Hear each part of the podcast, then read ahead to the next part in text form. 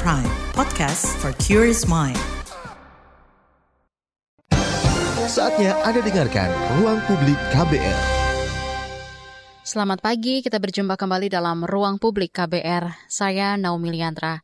Pagi hari ini kita akan bahas temanya yaitu jaga kesehatan reproduksi. Ketahui hal yang membahayakannya.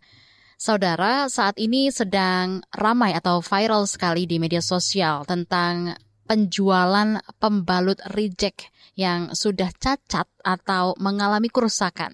Pembalut ini dijual kiloan dengan harga murah. Ini kemudian uh, ada yang mengaitkan dengan period poverty atau kemiskinan menstruasi. Ini adalah situasi yang menggambarkan kurangnya akses akan produk menstruasi, kemudian pendidikan, dan juga fasilitas kebersihan. Anggapan ini bukan tanpa dasar karena dari hasil polling UNICEF yang dipublikasi di websitenya tahun 2022 menunjukkan bahwa satu dari lima anak perempuan di Indonesia mengalami kesulitan dalam mengakses maupun membeli pembalut.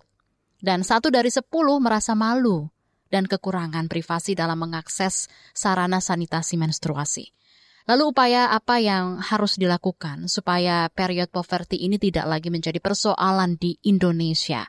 Nah, pagi hari ini di ruang publik KBR, kita akan perbincangkan bersama dengan Dr. Diah Ayu Sartika dari Perkumpulan Keluarga Berencana Indonesia PKBI DKI Jakarta. Selamat pagi, Dr. Diah. Halo, selamat pagi Mbak Naomi. Terima kasih saya diizinkan untuk bergabung dengan Mbak Naomi. Terima kasih Dokter Dia sudah bersedia hadir di ruang publik KBR pagi hari ini. Dokter Dia semoga sehat selalu ya dok ya. Amin. Baik. Juga dengan Mbak Naomi ya. Sehat ya kita semuanya. Iya. Amin. Selalu dokter. Dokter uh, ngomongin soal fenomena dijualnya pembalut yang Siap. rusak dengan harga murah di medsos beberapa saat lalu yang sedang viral ini ya dok ya. Ini kan salah satu karena mahalnya harga pembalut yang dijual saat ini gitu ya. Seperti iya. apa sih dok dampak pemakaian pembalut yang nggak sesuai standar bagi kesehatan reproduksi? Ha-ha. Kita ini tarik latar belakangnya dulu ya. Sebenarnya hmm. hak untuk mendapatkan kesehatan itu memang hak untuk wajib yang diperoleh bagi setiap individu manusia ya. Apalagi ini tentang masalah yang kemarin pembalut yang reject itu ya miris banget ya. Saya agak ketirik juga apalagi kita sebagai perempuan yeah. untuk kesehatan reproduksi penting banget karena kita nanti kan Betul. meneruskan generasi-generasi penerus bangsa yang harus sehat, kuat, pinter dan mantap ya. Jadinya kita harus benar-benar lah. Itu kalau kenapa kok bisa kayak gitu mm-hmm. beredar di masyarakat ya, mm-hmm. di publik atau masyarakat Indonesia ini kita harus wanti-wanti dan kita harus pinter ya masyarakat terutama jangan kalau masyarakat perkotaan oke okay lah yeah. pasti dapat pendidikan yang hmm. lebih jadi kita bisa milih ya kalau masyarakat yang di perdesaan yang kota kecil yang belum diakses hmm. dengan berita atau apa ya hmm. itu sangat sangat sangat merugikan bahkan sangat bahaya untuk kesehatan reproduksi ya saya saya tidak setuju banget itu. Kenapa kok bisa beredar ya? Oke. Okay. yang dirugikan kitanya ini. Oke okay, dokter. Uh, berarti harus ada pengawasan ya dok ya? Dari mana uh... jelas. Jelas banget itu pengawasan dari pihak-pihak terkait. Ya kenapa kok itu bisa beredar? Kenapa gitu?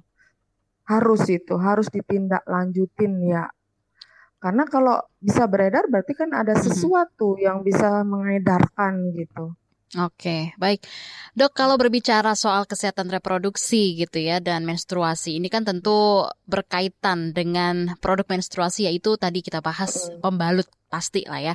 Nah, sekarang kan sudah iya. banyak nih pilihan bagi perempuan untuk menggunakan pembalut sekali pakai, kemudian juga pembalut kain atau juga menstruasi uh, menstrual menstrual cup juga begitu ya. Cup ya. Um. Nah, berkembang juga pembalut sekali pakai yang diklaim uh, lebih ramah lingkungan nih, Dok karena menggunakan bahan organik yang katanya sih menghilangkan bakteri penyebab iritasi dan bau. Nah, dari banyaknya produk menstruasi ini, dokter, apakah semuanya aman kalau dipakai oleh perempuan? Lalu bagaimana bisa make sure gitu ya, memastikan produk yang tepat sekaligus menjaga alat reproduksi saat menstruasi, dokter? Untuk mendapatkan kriteria yang tepat atau pembalut-pembalut atau merek-merek apa, jenis apa itu ya, yang penting dia harus satu, dia mencakup atau bisa me, apa ya, menampung daya dari menstruasi, mau dikit, mau banyak, mau sedang, jadi harus bisa menampungnya dan terutama harus ada BP POM ya. Secara kesehatan kesehatan kan kalau sudah ada BP POM-nya kan sudah benar-benar itu kan itu sudah diteliti di di melalui penelitian. Jadi kan oh benar-benar oh itu layak dipakai gitu. Jadi kita harus bisa memilih milih. Terus satu pembalut yang benar-benar menyerap. Jangan sampai tidak bisa menyerap jadi meluber atau ke mana. Bisa meluas lah istilahnya. Terus keempat, bisa membuat kita nyaman sebagai pemakainya. Kita bisa tetap aktivitas, kita bisa ndak terganggu dengan adanya pembalut dengan merek atau apa pun dengan herbal atau apa pun pokoknya yang buat kita nyaman. Itu sih kriteria kriterianya kalau menurut saya mau untuk menghilangkan bakteri atau bau. Yang penting kalau untuk secara kesehatan BP POM dulu. Kalau sudah uji BP POM-nya sudah lulus, uji lulusnya pasti layak untuk dipakai. Kalau lainnya menurut kriteria itu yang bisa menyerap Oke. Okay. apa darah menstruasi yang tadi saya jelaskan itu ya nyaman dipakai untuk kita pemakai sebagai perempuan ya hmm. tetap aktivitas hmm mau kita aktivitasnya sibuk atau enggak sibuk tetap bagus ya. Jadi kita enak, enggak lembab hmm. gitu. Nyaman okay. lah untuk kita. Dokter bilang harus ada BPOM-nya begitu ya, harus bisa uh, uh, nyaman lah buat uh, beraktivitas.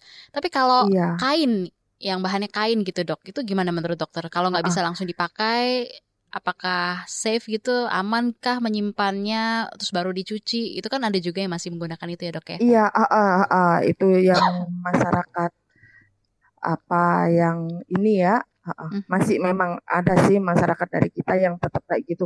Kalau tetap menggunakan kain satu itu benar-benar untuk sudah nyaman enggak untuk kita pakai. Takutnya kalau dari bahan kain dan kita semuanya di hari-hari menstruasi yang awal-awal semuanya kan yang kebanyakan kan dari kedua sampai hari keempat itu kan yeah. banyak banget ya darah menstruasinya itu kain itu benar-benar menyerap enggak. Gitu pastikan kalau kainnya benar-benar menyerap oke okay, layak pakai terus kalau dia sudah penuh ganti jangan satu kain itu dan ganti kain lagi, ganti kain lagi. Kainnya itu bolehlah dicuci. Kalau cara mencucinya benar-benar yang bersih, jangan sampai ada tersisa. Karena kenapa? Kalau itu tersisa dan itu kan belum bersih, itu kotoran, yeah. Kotoran atau ini kan masih bisa membuat iritasi gitu. Hmm. Malah menimbulkan ini penumpukan bakteri lagi, jamur lagi gitu hmm. kan. Oke, jadi malah jadi penyakit baru ya dok ya? Iya, kan apalagi kan tuh dipakai, maaf ya di kita, jadi kan kita ini kan kalau aktivitas, ya. nanti kan pasti berkeringat, lembab. Keringat itu kan proses dari pengeluaran racun atau oksidasi kita ya. Keringat itu kan kalau kita mengeluarkan keringat kan pasti ada jamur, hmm. ada bakteri. Kalau diperiksa di secara mikroskop itu ya, takutnya malah menimbulkan gatal-gatal, iritasi, ruam, merah, hmm. menimbulkan hal baru lagi bagi yang menggunakan kain. Hmm, Sama okay. dengan yang lainnya ya, pembalut lainnya sesering mungkin diganti tergantung okay. volume ya, volume darah menstruasinya. Oke dokter, jadi uh, mungkin dari yang tadi dokter paparkan gitu ya, mungkin mm -hmm. ada langkah-langkah khusus kah kalau memilih pakai pembalut kain atau yang bisa dipakai berulang? Mungkin dari awal seperti apa yang harus dipersiapkan, kemudian setelah digunakan harus seperti apa dari dokter? Sarannya? Satu, sebelum digunakan pastikan itu kain bersih apa enggak Terus kedua, kain itu menyerap apa enggak? Dan kain itu bisa untuk menjaga kelembapan apa enggak? Takutnya kan kalau enggak menyerap, kelembapan sama aja kan ya. Iya. Terus ketiga, bener-bener apa penyimpanannya itu jangan sampai penyimpanannya asal-asalan nanti ada hewan-hewan atau semut atau kecoa nanti kita apa itu ya benar-benar penyimpanannya. Terus keempat benar-benar itu nanti dipakai itu cukup enggak dalam posisi atau dalam hari keberapa kita memakai kain itu. Takutnya nanti dalam hari kedua, ketiga, keempat kan kita biasanya darah menstruasi banyak ya takutnya Ya. kurang jadi kan meluber ke mana-mana kita nggak nyaman juga itu sih dari saya Oke, dokter. Nah, eh, berkaitan soal reproduksi juga nih, dokter ya. Sebenarnya Mm, mm, eh, kita juga perlu tahu nih, dok, apa saja sih indikator bahwa alat reproduksi kita tuh sudah mulai tidak sehat nih, dokter? Ciri-cirinya. ciri-cirinya ya kalau kita sebagai perempuan biasanya itu dilihat memang alat reproduksi tidak sehat itu dari menstruasi bisa dari menstruasi Hmm, biasanya Tidak itu lancar haidnya atau gimana, dok? Tidak lancar bisa terus da, apa menstruasi yang terus menerus hampir satu bulanan lebih tidak ada berhenti berhenti sedangkan normal kan Iya. kalau menstruasi satu minggu boleh lah dikatakan ya Iya. terus bisa juga indikator kita lihat darah menstruasinya itu bau enggak bau Hmm. amis atau warnanya biasanya darah normal nah menstruasi normal kan merah kadang pink kadang hitam gitu ya. Itu benar-benar hmm, apa hitamnya hitam ada bau berbui bau amis gitu. Dan baunya sangat menyengat gitu baru kita harus curiga ya. Mhm. itu sih Mm, dari saya. Jadi eh, salah Dan- satu indikasinya adalah ketidaklancaran pada saat menstruasi ya dok ya. Untuk eh, dilihat. masa menstruasinya itu untuk eh, berapa harinya itu juga menjadi indikasi nggak dok kalau itu indikasi indikasi sebenarnya Indikasi. normalnya berapa hari dok kalau menstruasi? menstruasi biasanya itu tujuh tujuh hari atau satu minggu itu ya Kalau hanya Biasanya, dua hari kalau- saja gitu menstruasi apakah termasuk normal atau gimana dok? Kalau dua hari aja kita indikasi karena kan menstruasi kita itu karena faktor dipengaruhi dari faktor hormon. Hormon dipengaruhi dari faktor tingkat capek, stres, kurang istirahat, Mm-mm. seperti itu ya. Kalau darah menstruasi kita semuanya bulan ini mens cuma dua hari aja. Ya. Why kita harus respect? Kenapa gitu? Hmm. Terus kalau semuanya oh dua hari, oh berarti kemungkinan aku capek atau apa? Selama ndak ada gangguan, oke ya kita sehat-sehat aja. Baru bulan berikutnya kita lihat kenapa kalau dua hari lagi. Kalau semuanya bulan berikutnya normal, ya oke berarti normal. Berarti kemarin kurang istirahat, capek, stres, kembali lagi dipengaruhi oleh hormon ya. Hmm. Dan satu lagi, kalau menstruasi nyeri perut bagian bawah, hati-hati. Wah. Terus kembali lagi kalau menstruasinya kayak diremas-remas Iya. kontraksinya sampai kita guling-guling sampai apa dan itu bukan bulan ini aja atau terus-terusan Selalu bulan seperti itu, ha? Selalu seperti itu. Kita harus respect, curiga. Kita harus pinter ya. Jadi kita Hmm. harus menuju ke layanan kesehatan itu nanti konsultasi ke dokter spesialis kandungan atau ke poli kandungan ya. Iya. Nanti baru nanti di USG dilihat. Biasanya Hmm. kalau seperti itu berapa apa hampir 60 sampai 70 persen itu biasanya ada miom, kista gitu. Oke, baik. Jadi benar-benar harus respect ya, Oke, harus. Baik, dokter dia. Nanti kita akan juga tanya-tanya lagi lebih dalam mengenai soal cash pro ini, kesehatan reproduksi bersama dengan dokter dia. Ruang publik akan segera kembali. Masih Anda dengarkan Ruang Publik KBR. Commercial break. Commercial break.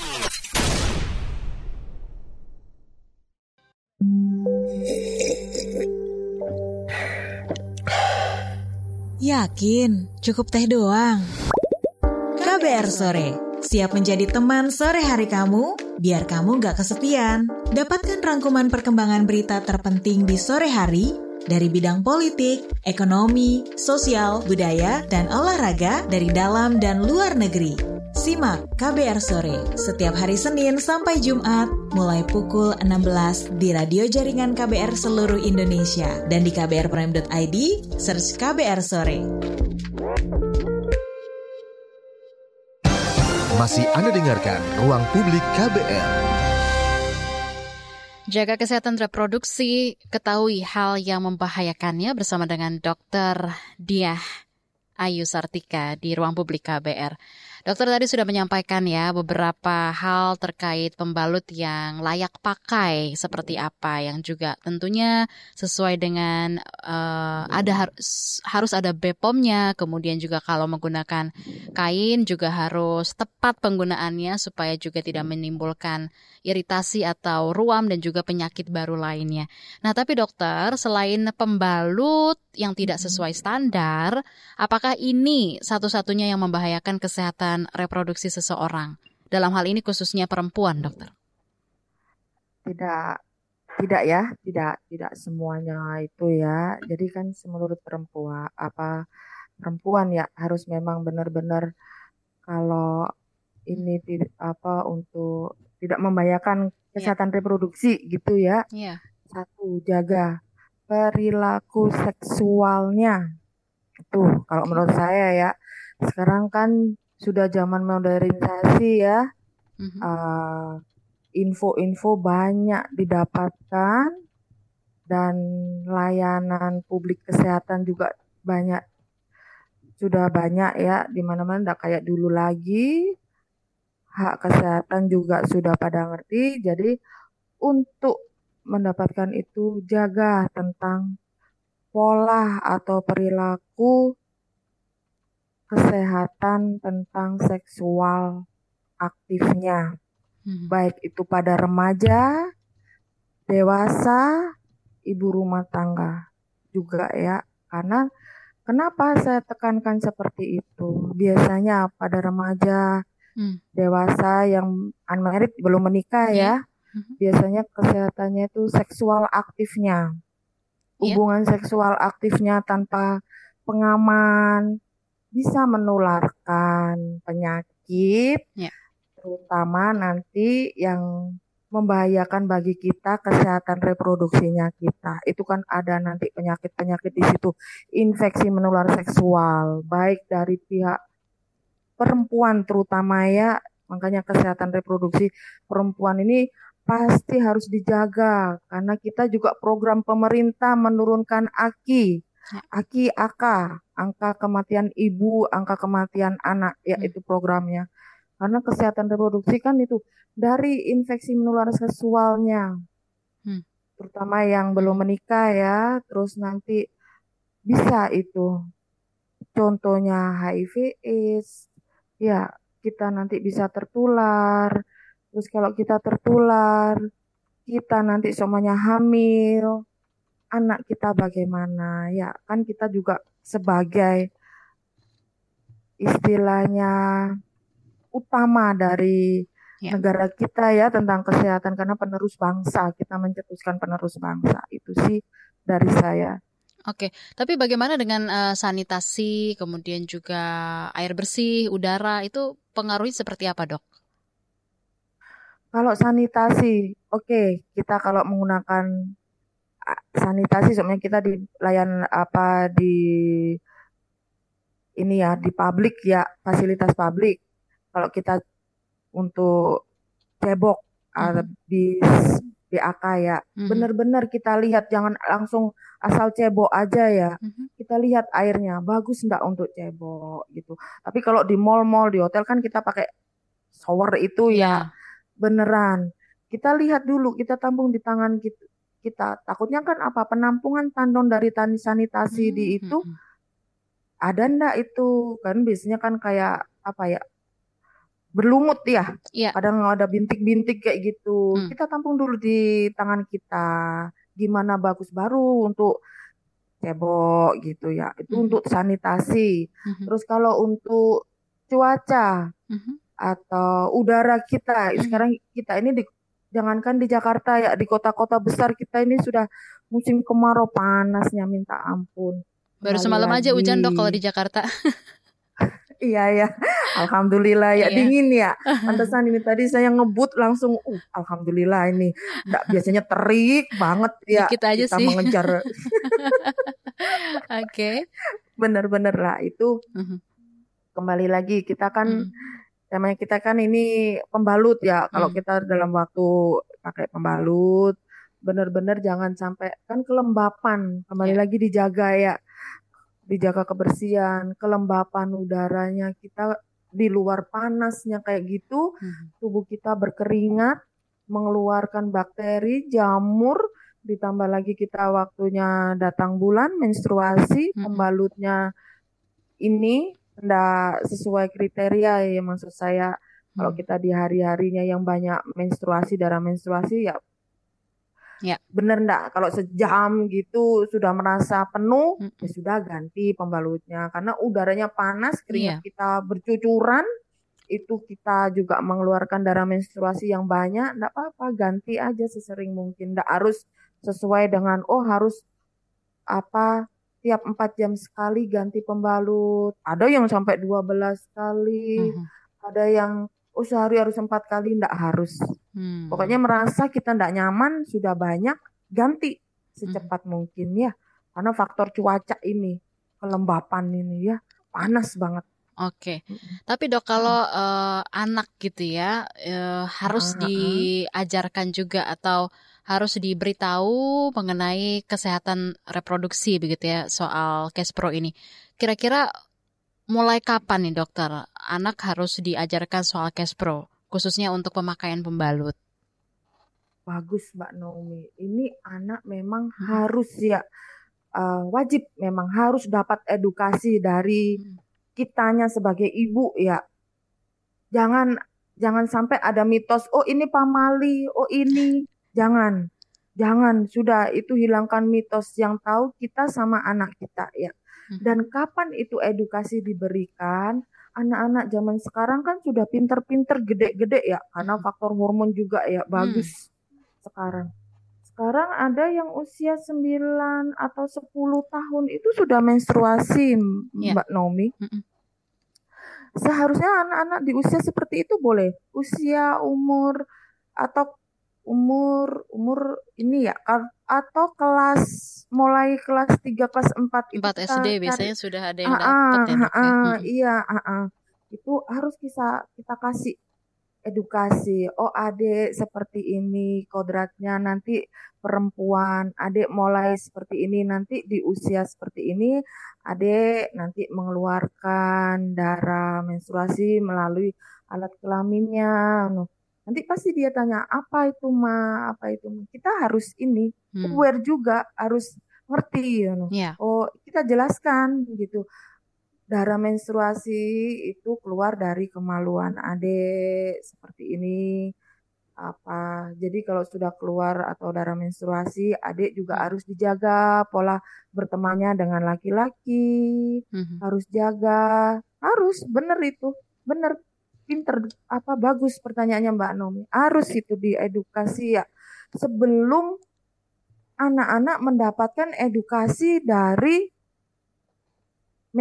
media-media ya mm -hmm. atau baca-baca sendiri atau dari temannya. Mm -hmm. Sudah hilangkan mitos atau pamali atau apa hilangkan itu dulu. Okay. Karena biasanya takutnya salah yeah. salah edukasi. Jadi sebenarnya sedini mungkin tidak apa-apa ya dok ya Nggak kita apa -apa. memberitahukan Bagus. Uh, Bagus. pengetahuan mengenai cash pro kepada buah hati kita karena itu juga iya. penting untuk mereka ketahui. Oke. Okay. Kita akan jeda dulu. Tentunya untuk Anda pendengar yang sudah memberikan pertanyaan di WhatsApp dan nanti akan kami bacakan untuk ditanggapi oleh Dokter Diah di ruang publik. Tetaplah bersama kami. Masih Anda dengarkan Ruang Publik KBR. Yuk follow social media KBR. Twitter at Berita KBR, Instagram at KBR.id, Youtube Berita KBR. Masih Anda dengarkan Ruang Publik KBR. Tentunya Anda masih menyimak ruang publik KBR. Pagi hari ini kita bahas mengenai kesehatan reproduksi. Seperti apa hal-hal yang membahayakannya. Jadi kita harus jaga kesehatan. Kita akan bahas bersama dengan Dr. Diah Ayu Sartika. Dokter, kita akan eh, mulai bacakan beberapa pesan WhatsApp yang sudah masuk di 0812 118 8181 ya dok ya. Kita baca dulu dari Krukut Depok ada Pak Angga Saputra. Dokter Dia, apakah yang membedakan pembalut asli atau palsu? Nah, dok, emangnya ada ya uh, pembalut palsu? Atau mungkin ada pembalut yang nggak standar gitu dokter? Mungkin bisa diulang dari penjelasan dokter tips cara pem memilih pembalut seperti apa? Silakan dokter. Tipsnya kembali lagi kita lihat kemasannya dulu, hmm. Pak ya, Bapak siapa tadi Mbak Pak Angga, ya. Pak Angga. Hmm itu benar-benar sudah ada BP POM-nya, enggak kembali lagi BP POM. Dia kan yang apa dari ditunjuk oleh pemerintah kita ya. Itu ada enggak atau asal-asalan enggak? Kalau sudah enggak, enggak ada, ya. jangan dipakai. Jangan. Saya sarankan jangan. Karena kan biasanya kan atau enggak biasanya dari mendatangkan dari luar negeri ya. Biasanya tulisannya itu tidak ada Indonesianya ya hmm. tulisannya itu bahasa bahasanya itu sudah jangan karena itu tidak melalui dari BP POM ingat itu aja kriterianya nggak usah apa yang banyak ini banyak pemikiran atau apa? Oh dilihat aja BP POM-nya oke. Okay. nah, itu benar-benar itu benar-benar banget. Karena kan kan biasanya kan dari secara legal biasanya kan dari kapal diturunkan tanpa melalui uji dari ini ya langkah eh, langkah-langkah itulah belum ke BP POM atau apa gitu. Ya. baru langsung disebarkan. Jangan. Pokoknya ingat itu aja Oke. Okay. di kemasannya dilihat BP POM atau enggak kalau enggak ada sudah enggak usah ini enggak usah dibeli atau enggak usah dipakai jadi tips yang paling gampang banget adalah kita kalau mau membeli pembalut harus lihat ada BPOM-nya atau tidak. Kalau tidak ada jangan dibeli. Beli yang harus ada BPOM-nya. Gitu ya, Dok ya. Tapi kalau iya. mau beli yang eceran gimana, Dok? kan ada ada itu Mbak Nomi itu kan ya iya. kan ada eceran itu kan yang biasanya uh -uh. kalau di warung-warung digantung itu kan Bener. itu sudah pasti ya itu kan sudah ada kan itu uh. biasanya yang di kecil banget itu kan uh -uh. ada itu kan ada tulisannya pasti ada kok pasti okay. enggak, enggak, enggak bakalan enggak ada. Oke, lanjut lagi ya dokter ya kita baca nih dari iya. Jawa Timur Mojokerto ada Ibu Patmawati. Selamat pagi dokter Dia. Saat ini saya usia 49 pagi. tahun.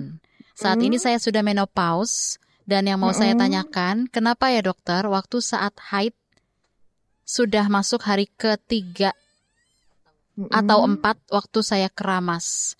dan tiba-tiba haid terhenti. Apa ini ada pengaruhnya hmm. karena keramas itu? Nah ini berkaitan sama mitos nggak sih dok? Atau gimana nih mitos. dokter penjelasannya secara mitos medis? Banget, ya. Mitos banget. Iya. Silakan jelaskan mitos. dokter. Hmm. Iya. Halo, selamat pagi ya Ibu Fatma Fatmawati ya, Mojokerto Timur. Deket dari asli saya. Oke. Okay. Salam kenal jauh banget. Ah, ah. Itu mitos banget Ibu Fatmawati, Mbak Nomi. Mm-hmm. Mitos banget itu kalau kita keramas atau apa.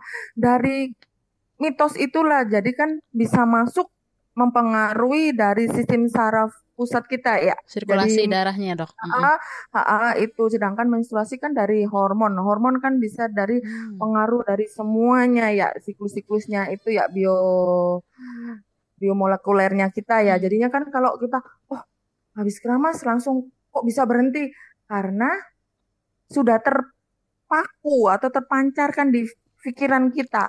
Oh jangan keramas dulu, nanti biar main dulu. Oh kalau keramas aku ini. Jadi itu mitos banget. Hmm. Nggak terpengaruh dari kesehatan Mbak Nomi. Ibu Fatmawati juga. nggak, okay. nggak itu. Nggak terpengaruh. Jadi nggak ada pengaruhnya mitos. karena keramas ya dokter ya? Iya, heeh, mitos itu ya. Atau karena uh, mungkin ada juga yang pernah uh, bilang karena minum air dingin gitu, jadi berhenti haidnya. itu juga benar gak sih dok? Sama mitos banget ya. Kenapa okay. ya? Kalau minum air dingin terus habis gitu ya, memang sih kenyataannya kayak gitu ya. Kita percaya ndak percaya mitos memang gitu, tapi uh-huh. loh Tapi memang saya ini kalau keramas berhenti atau air dingin berhenti karena Mm-mm. sudah masuk ya itu tadi ya. Kan itu kan menstruasi kan dipengaruhi oleh hormon terus Iya. kita di ini jadi ke sistem saraf pusat kita secara biomolekuler jadinya karena oh pasti berhenti ya. Berhenti jadinya. Oke. Sedangkan itu mitos. Enggak enggak Baik, mempengaruhi kok itu. dokter, kita lanjut lagi nih. Ada WhatsApp Eh. dari Padang Padang Sidimpuan.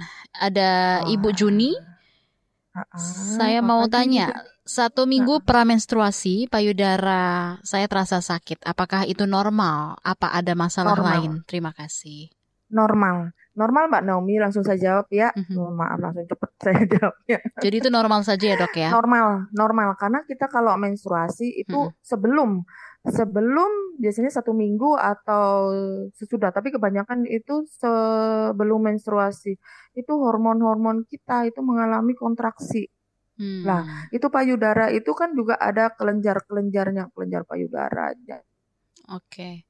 Oke, baik. Satu Kemudian kemudian kita lanjut lagi ya, Dok ada ya. ya. Itu memang memang gitu. Mm-mm. Kita lanjut lagi nih, Dokter. Dari Lampung ada Ibu Bella. Sekarang kan ada pembalut yang ada wangi tertentu dan juga membuat sensasi dingin. Apakah pembalut seperti itu aman, Dokter? Gimana nih, Dok? Sensasi dingin, saya pernah juga coba sih, Dok. Itu aman nggak, Dok? Iya, sekarang memang yang min, yang Iya. itu Mm, kalau dibilang aman, Aman nggak aman? kadang nggak aman. Oh. Mm, Aman nggak aman ya. Oke. Kita harus bisa pilih-pilih atau kita yang memakainya. Itu Kalau kenapa, memang Dok? itu menimbulkan iritasi, menimbulkan ruam, Hmm, gatal-gatal merah, sudah berarti itu nggak aman untuk kita. Hentikan. Tapi kalau Gitu. aman-aman saja nggak apa-apa. Boleh, tapi jangan saya Sering-sering. sarankan Mm. sih, heeh, jangan sampai ada seperti itu ya. Kita ndak ndak perlu pakai pembalut yang bau-bau atau apa. Yang Hmm. penting kita harus pilih pembalut itu yang benar-benar apa ya, yang sesuai dengan keadaannya kita gitu. Jangan Sebenarnya- sampai ada pengaruh. Sensasi dingin Heeh. itu fungsinya buat apa sih, Dok? Kalau untuk pembalut gitu loh. Kebutuhannya Iya. untuk eh, perempuan pada saat lagi haid atau menstruasi. Heeh. Kok- Sebenarnya itu Heeh. itu kan kalau kita lagi haid Heeh. atau menstruasi itu kan lembab. Iya. lembab tuh jadi kan risih ya.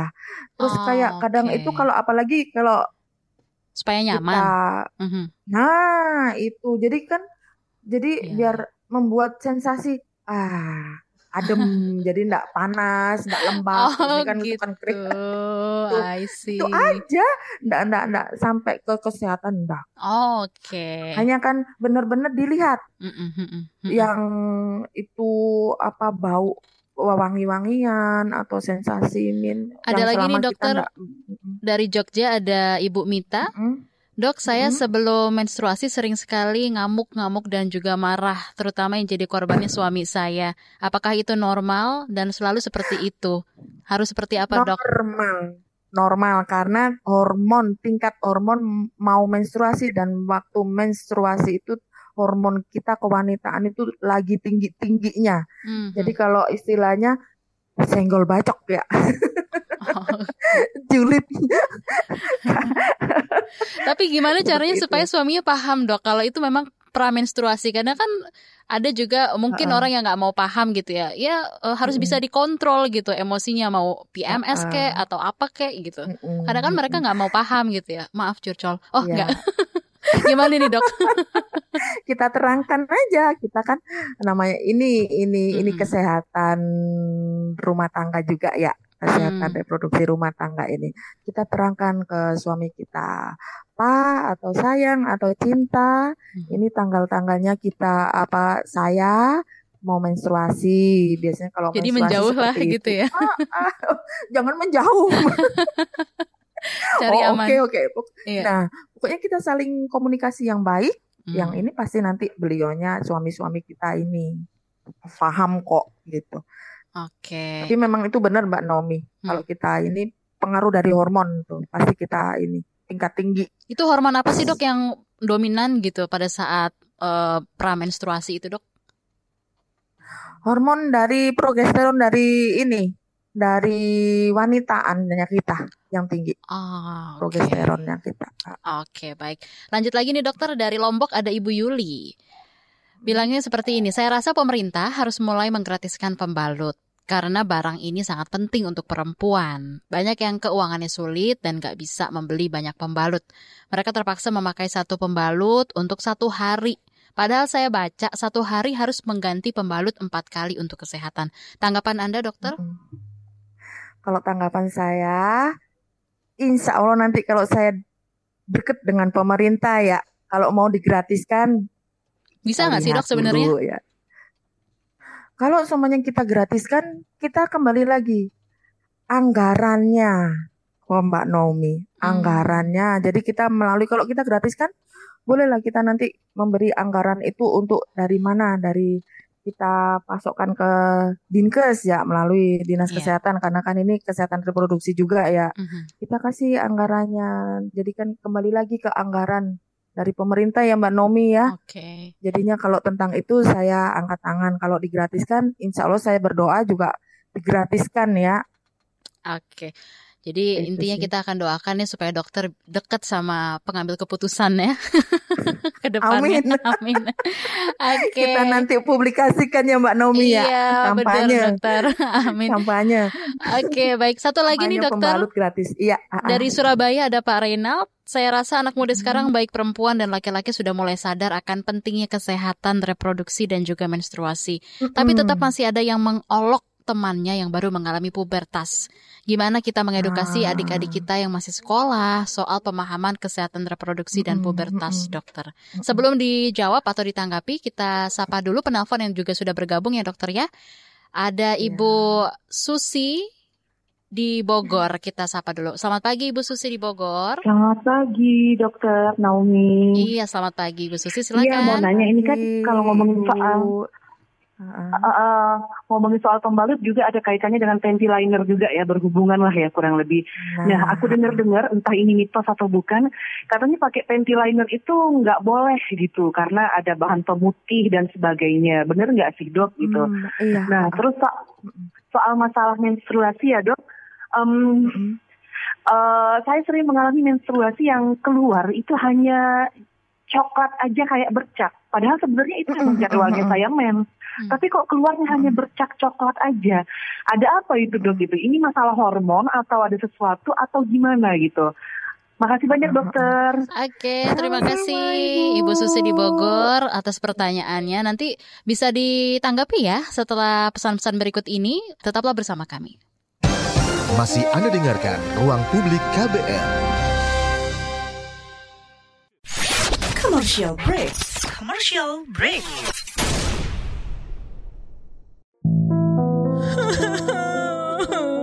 Lah, ini anak kenapa? Gue diputusin Rehan. Aduh, yang sabar ya, Di.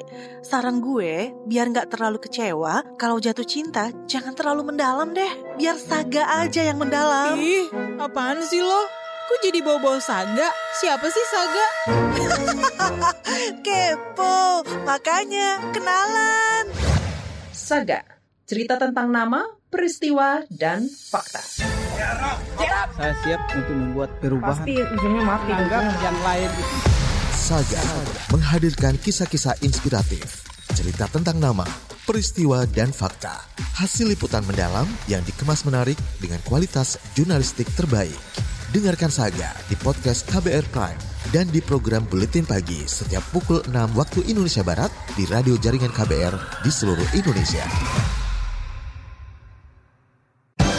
Masih Anda dengarkan Ruang Publik KBR. Kita sudah berada di siaran akhir Ruang Publik KBR pagi hari ini dengan tema Jaga Kesehatan Reproduksi, Ketahui Hal yang Membahayakannya. Bersama dengan Dr. Diah Ayu Sartika dari Perkumpulan Keluarga Berencana Indonesia PKBI Jakarta. Dan untuk Anda yang mungkin uh, belum sempat mendengarkan siaran ini dari awal, bisa dengarkan ulang di podcast kbrprime.id, kemudian pilih ruang publik. Dokter, tadi menanggapi uh, telepon dari Ibu Susi di Bogor, Sebelum nanti juga dokter tanggapi pertanyaan melalui WhatsApp dari Pak Renaldi Surabaya ya. Tadi Bu Susi Surabaya, ya. bertanya soal pentiliner, uh, katanya nggak boleh Ah, dipakai ya. karena pakai pemutih, terus juga uh, berkaitan soal datang bulan atau juga mens yang keluar hanya bercak coklat, padahal itu jadwalnya datang bulan. Apakah itu ada masalah atau seperti apa nih dok? Bisa ditanggapi dulu, silakan dokter. Untuk penggunaan pentiliner jangan sesering mungkin ya saya sarankan ya Mbak Nomi ya, Ibu Susi. Ibu siapa tadi? Ya, Ibu Susi, ya Susi, di ya. Bogor. Ha, Ibu Susi yang di Bogor. Jangan sesering mungkin pakai pentiliner ya, karena pentiliner bener. Kadang ada pemutihnya, kadang itu kita juga komposisinya kan memang itu sudah tertera ya di kemasannya ya. Mm-mm. Tapi itu kadang-kadang membuat malah keputihan. Hmm, itu penyebabnya ya dok Jangan sering-sering, ah, ah, Mm-mm, jangan mm. sering-sering ya, biarkan. Kalau keputihan selama normal, oke, enggak apa-apa. Tapi Ya, kalau ya. sudah sudah berlebih ya atau mengganggu, silakan langsung ke layanan kesehatan publik ya, mau Oke. ke klinik, ke rumah sakit atau bisa ke dokter itu aja. Memang jangan sering-sering pakai pentiliner, saran saya ya. Oke.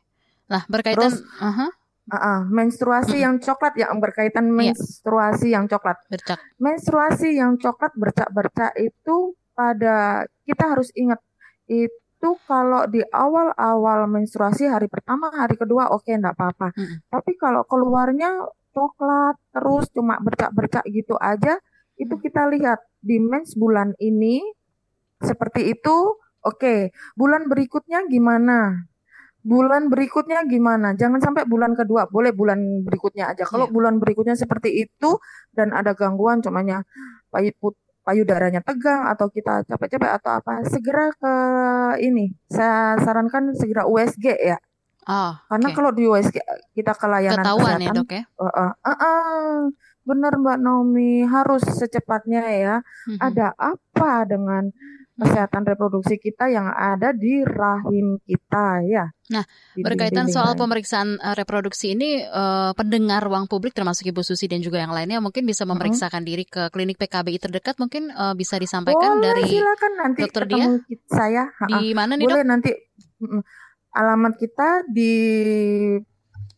Taman Malaka Selatan RT 10 RW 6 Kelurahan Pondok Kelapa Kecamatan Duren Sawit Jakarta Timur.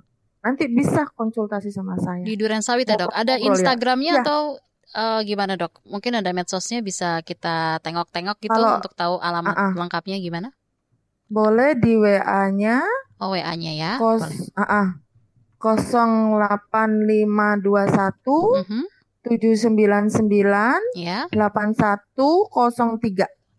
Oke, baik. Nanti eh, pendengar juga mungkin yang berada di Jakarta khususnya ya, jadi bisa mampir Iya, ke uh-uh. eh, PKBI Jakarta di Duran Sawit.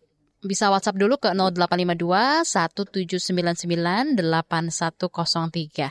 Nah, eh, lanjut lagi nih Dok menanggapi tadi Pak Renald yang di Surabaya Renault soal ya, uh-uh. bagaimana mengedukasi adik-adik yang masih sekolah soal pemahaman cash pro dan pubertas, Dokter. Uh-uh. Singkat saja mungkin Iya. Dokter bisa tanggapi silakan. Boleh. Satu, edukasi harus di awal di rumah. Kita harus jelaskan Pak Renault ya sesuai yang saya jelaskan tadi ya Mbak Nomi ya. Hmm, Di rumah kita ini jangan sampai ada kata mitos pamali atau apa ya. sebelum anak kita tahu dari luar. Mm-mm. Terus kalau di sekolah diterangkan, biasanya sekolah-sekolah sekarang itu Ya. sudah dikasih apa sudah diberi pelajaran edukasi tentang kesehatan reproduksi. Oh, ini perempuan seperti ini, ini laki-laki seperti ini dengan manifestasinya. Oh, kalau perempuan alat reproduksi seperti ini dan ini. Jadi nanti apa yang tidak boleh dipegang atau Mhm. apa yang kalau cara bermainnya kalau sudah sudah ge- ngerti ya, Ya. sudah ngerti, sudah gede. Jadi Oke. harus ada edukasi dari rumah, dari sekolah juga ada, pasti ada. itu. Oke, baik. Itu Pak Renang ya. Dokter, kita eh, sapa penelpon terakhir di ruang publik dari Bali yang Iya. sudah bergabung ada Ibu Desa. Kita sapa dulu Ibu Desa. Selamat pagi. Silakan singkat saja Ibu karena Selamat sudah pagi Mbak terbatas Naomi, waktunya. selamat Iya. pagi Bu Silakan, Dokter Bu Dia. Desa. Mohon maaf saya terlambat ini Pagi, karena Bu Desa. Masalah. bergabung. Ya, silakan silakan Ibu Eh, Desa. Silakan. Pertanyaan saya seperti ini, seperti Mhm. ini Mbak eh, Mbak Naomi. Eh, ada eh, apa orang yang sudah lama tidak eh, mens ya, eh, karena dia Mhm. sudah uh, karena apa namanya miom karena Oh, miom oke. terus di Ah, ah, akhirnya ah, ah, ah.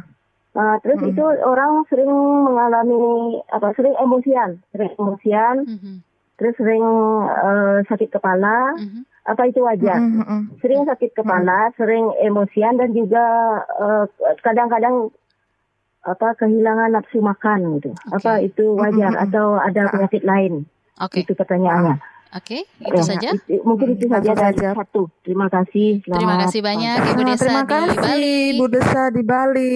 Ya. Bali oke, alhamdulillah. Saya Silakan. jawab langsung ya Mbak Langsung karena Dokter waktu Dia, ya. silakan.